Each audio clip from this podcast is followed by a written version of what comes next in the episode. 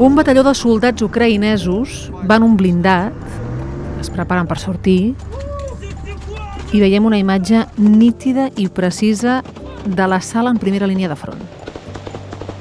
Trets es llancen a terra, més trets, fins que finalment es veuen dos homes amb les mans darrere del clatell, són dos soldats russos capturats. La guerra retransmesa en directe per les xarxes, els soldats convertits en influencers i la geolocalització per WhatsApp o Instagram, munició per l'enemic. Una estampa impensable fins fa pocs anys i que avui és una realitat en una guerra com la d'Ucraïna. Soc la Carla Torró i avui a l'Ara, WhatsApp, Stories i TikTok al front de guerra. Francesc Millan, cap d'internacional del diari Ara, què tal? Bon dia. Bon dia. Hi ha molts soldats a dia d'avui, molts utilitzant les xarxes a la guerra d'Ucraïna. Sí, és a dir, això no és nou, eh, ho hem vist en altres conflictes, però possiblement sí que és la guerra en què les xarxes socials estan d'una manera més present, no només per eh, a nivell d'eines, però on pots seguir pràcticament en directe, no? com, com deies ara, la situació sobre el terreny, sinó també perquè els propis soldats les utilitzen molt i, i d'alguna manera et mostren les intimitats de la guerra, és a mhm. dir, escenes que probablement sense xarxes socials mai podries veure, com per exemple a retransmetre o gravar uh, batalles a primera línia de front o inclús un sopar uh, una trinxera després d'haver estat tot el dia combatent. Això dona lloc al que hem batejat com a pot sonar frivolitat i no ho diem des d'aquí, eh? però influencers de la guerra, és a dir, noms que s'han fet eh, coneguts i reconeguts perquè pengen diàriament molts vídeos i fan retransmissions justament de, dels combats. Un nom és el de Roman Troquimets. Aquí, per exemple, gravava el que és el so jo crec que una d'una granada, una cosa que explota a prop seu, un soldat queda ferit i el veiem i la imatge és duríssima, com crida mentre l'intenten no, curar, el punxen, l'injecten alguna cosa, i ell finalment... Не те, що щодня, а майже щогодини. Отакі у нас круті воїни.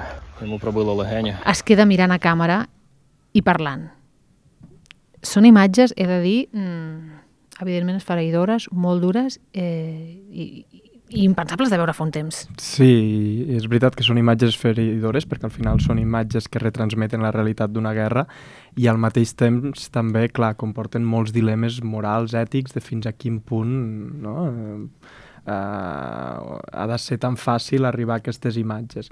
Llavors, això del concepte d'influencers de guerra, i evidentment sense frivolitzar, sí que és veritat que d'alguna manera són soldats que possiblement abans de la invasió pràcticament no tenien seguidors a Instagram, a TikTok, a Twitter, i arran de la, de la guerra s'han fet molt coneguts per això, perquè la pròpia població ucraïnesa, i no només la població ucraïnesa, sinó també nosaltres des de Barcelona els mm. podem seguir, uh, acaben uh, consumint uh, allò que publiquen perquè és una manera de connectar connectar, no, no m'agrada dir connectar, però sí de, de, de, de saber què és exactament el que està passant a, a, primera línia de front. I, per exemple, aquest cas, però no només el cas d'aquests soldats, sinó d'altres, acaben tenint desenes de milers de seguidors a les, a les xarxes socials i al cap i a la fil que fan eh, és retransmetre el seu dia a dia quan estan al front, quan mm -hmm. estan a, a una base o inclús quan marxen uns dies a Kiev, per exemple, a veure les seves famílies. Vull dir que acaben actuant una mena d'influencers de retransmetre la seva vida en guerra. És veritat que nosaltres des de casa nostra i cadascú des d'aquí eh, pot entrar més o menys a les xarxes, ells fan el mateix mmm, i queda estrany pensat així, eh? però fan el mateix després d'un dia de combat, per exemple, no? O sigui, sí és una imatge que sobta i quan, quan vam ser a Ucraïna eh, la veus uh, repetidament. És a dir, soldats que acostumen a ser nois uh, molt joves que estan igual que podem estar aquí, enganxats al, al seu mòbil, uh, consumint Instagram, mirant vídeos a TikTok. Jo recordo una escena un, un autobús que ens portava des d'una ciutat fins a unes posicions prou properes al front i anava al costat d'un d'un soldat molt jove, d'uns 20 i pocs anys, i es va passar bona part del trajecte mirant vídeos a TikTok, però vídeos de, de resums de partits de la Champions. Llavors, clar, és, és no? aquesta connexió entre guerres, soldats molt joves i xarxes socials, que al final acaben utilitzant les xarxes socials com les podem utilitzar nosaltres des d'aquí. Un nom, a veure si el pronuncio bé, Dimitro Cholot. Sí. Qui és? Uh, és un soldat que vam, que vam conversar amb ell uh, en diverses ocasions a través de chats, a través d'Instagram eh, i a través de WhatsApp i una mica el que ens explicava no, era per què ell utilitzava les xarxes socials. És un d'aquests soldats pues, que també que les utilitzen pràcticament a diari per intentar retransmetre tot allò que viuen. Mm. I què et va dir? Perquè et va donar diferents motius, no?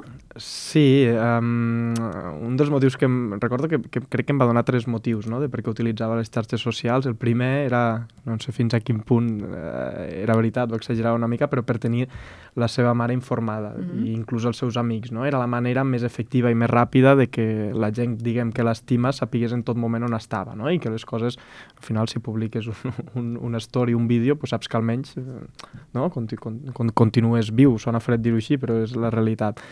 L'altre deia que també no, va dir, crec que textualment, o, o si no d'una manera molt similar, que uh, li agradava mostrar com, com mataven a soldats invasors. I això també és, un, és una part, no? que després si, si, si de cas en parlarem, d'aquests dilemes ètics, però és veritat que hi ha una part important dels soldats mostrant-se, no? mostrant-se com estan defensant el seu país, etc.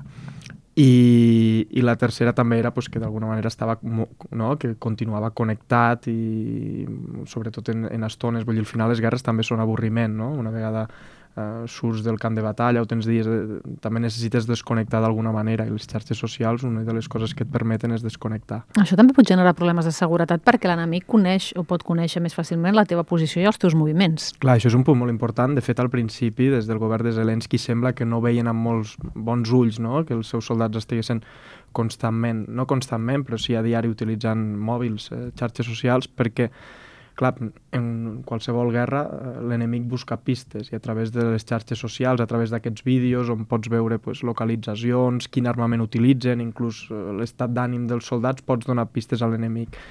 Però finalment eh, es va donar eh, llum verda, diguem, a continuar utilitzant les xarxes socials amb limitacions, evidentment. Per exemple, quan estan en zones de batalla, en, mm. zones crítiques, han de portar el mòbil apagat, sobretot la geolo geolocalització, etc però sembla que eh, el govern ucraïnès d'alguna manera compensa que els, que els soldats les utilitzen sobretot perquè també d'alguna manera es mostren no? i ajuda a que la seva moral estigui més alta.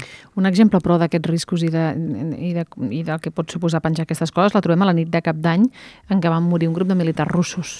Clar, això és una mica l'exemple. Mai va quedar clar si realment va ser el motiu, almenys va ser el motiu que, que el Kremlin va, va exposar per justificar aquell atac. No? La nit de cap d'any eh, va haver un atac contra un lloc on hi havia molts soldats russos. Ara no recordo exactament la xifra de morts que hi va haver, però desenes. Jo diria més de 80 gairebé. Més de 80, sí. sí. Ha estat una de, una de les matances, diguem, a un lloc concret més grans des de l'inici de la invasió i des del Kremlin es va dir, es va donar la culpa als soldats dient que era perquè havien utilitzat els telèfons mòbils eh, i que els havien obert, diguem, per felicitar l'arribada de l'any nou a les, a les seves famílies. Com a conseqüència, podria ser que des del bàndol ucraïnès poguessin interceptar la posició d'aquelles tropes i per tant els bombardegessin. D'aquí ve el risc no?, d'utilitzar les xarxes socials en algunes zones compromeses.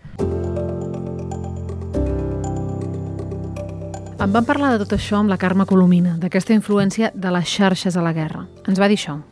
Des del 24 de, de febrer de 2022, amb la, amb la invasió russa d'Ucraïna, hi ha aquesta nova consciència de la capacitat d'influència que té TikTok. No? Les, els primers mesos de, de la guerra, de la invasió, de fet, em sembla que és de New Yorker, fa una, una portada que l'anomena La guerra de TikTok precisament perquè es converteix en el gran instrument d'informació, de mobilització, de detecció de com havien anat avançant les tropes no? a les, al Washington Post, les primeres setmanes, fa també tot, tot un seguiment de com han anat avançant les tropes russes cap a Ucraïna a partir de les imatges que s'havien penjat a, a TikTok, no? Com s'utilitza, doncs, per, per mobilitzar també la solidaritat exterior. I apuntava una cosa que deia que es fa difícil d'entendre, no?, des de la perspectiva d'algú que pugui estar a altres ciutats com pot ser Barcelona. Aquesta barreja entre realitat i ficció, aquesta barreja que tant cop tant, tant estàs pujant el dit i t'apareix les imatges d'un bombardeig no? i dels estralls més sagnants de la guerra i, i tornes a pujar el dit i t'apareix una coreografia de soldats eh, ucraïnesos al front, perquè també es fa servir per pujar la moral de la tropa. I crec que a nosaltres el que ens, en, en, primer, ens costa entendre aquesta barreja de, jerarqui, de jerarquitzada de contingut i també aquesta dificultat, moltes vegades, que l'acceleració porta de discernir què és veritat i què és ficció, no? Alguns dels vídeos més compartits, recordo un dels vídeos que, eh, de TikTok que més es va compartir les primeres setmanes de, de la invasió, era un soldat ucraïnès que s'acomiadava de la seva família perquè anava al front i es feia servir aquelles imatges per recaptar diners no? per la resistència ucraïnesa i després va saber que no era un vídeo real, que era un frame d'una pel·lícula de 2017. I això és el que fa que, que siguem vulnerables, no? Aquesta, no sabria, no, no sé si, si caos, però sí aquestes línies difuses no, amb les que es mou tot aquest contingut. Ara bé, si això és el que hi ha, si aquesta és la manera, hem d'aprendre i hem de poder garantir que la manera i el, la qualitat del contingut serà el més clara, transparent i més fiable possible. Aquesta barreja entre realitat i ficció, que deia la Carme Colomini, la necessitat d'anar verificant no? totes les informacions Clar, això, diguem, no, no és nou, no és només de la invasió russa d'Ucraïna, sinó també, ho, per exemple, si tirem una mica més enrere, amb tot el tema de les, de, de, la prima, de les primaveres àrabs, eh, les xarxes socials van agafar un pes impressionant, perquè Uh, no només era una eina ideal per mobilitzar la població, és a dir, per connectar-se entre manifestants, diguem, mm -hmm. sinó també que era una eina uh, fantàstica a l'hora de denunciar aquells abusos que s'estaven cometent a l'hora de reprimir les manifestacions. Ho hem vist fa, fa molt, molts pocs dies a França, no? Va ser el propi president francès Emmanuel Macron que, que va dir que, que era una, també una revolta de les xarxes socials i que inclús va plantejar-se limitar el contingut uh, a les xarxes socials sobre les protestes per evitar que la gent se mobilitzés a través de les xarxes socials. Uh mhm. -huh. Vull dir, moltes de les manifestacions que hem vist aquests dies a França, que han estat massives i han estat per arreu de, a tot arreu del país, han estat convocades a través de les xarxes socials. Fa molts anys que veiem que les xarxes socials són una eina clau en moments de mobilització social i, i malauradament també en, en, en contextos de, de, de conflicte i de guerra. Les xarxes són... Eh una fotografia d'una certa deshumanització en, en, en moltes de les imatges que ens arriben, perquè evidentment el que hi ha són els combats i les morts al front entre, eh, entre russos i ucraïnesos, però són també una mm, línia temporal de la, del contrari, de la vida, perquè podem veure també tot el que feien aquestes persones que ara són aquests influencers de la guerra abans que, que, que esclatés el mm. conflicte. Mm. Totalment, i això és una, una imatge que repeteix molt a, a Ucraïna, inclús no només a les xarxes socials, però hi ha una cosa que és, eh, inclús fa, fa, fa mal de veure que és, ara si busques qualsevol ciutat o qualsevol localitat ucraïnesa a Google Maps, continuen havent les imatges d'abans de la invasió. Llavors, clar, són tots aquests, no?, eh, que a través de, de totes aquestes eines que trobem a internet eh, pots veure d'una manera molt directa quina ha estat la incidència de la invasió. En els perfils dels, dels soldats, eh, també, molts d'aquests eh, soldats amb qui vam parlar per fer el reportatge, um, la seva vida canvia completament el 24 de febrer del 2022, que és quan comença la invasió, i a les xarxes socials se'n fa mostra. A partir d'aquella data, diguem, hi ha imatges de sol... dels que ara són soldats uh, de vacances a Berlín, de vacances a Barcelona inclús, mm. o fent de DJs a un pub o a una discoteca de Kiev, i a partir de llavors tots són fotos militars, Clar. o la majoria de les fotos d'imatges són en context bèl·lic. Francesc Millan, gràcies. Gràcies. Jaume Martell, a la tècnica, Alba Mola Producció, jo sóc la Carla Torroixos, avui a l'Ara, gràcies per ser a l'altra banda.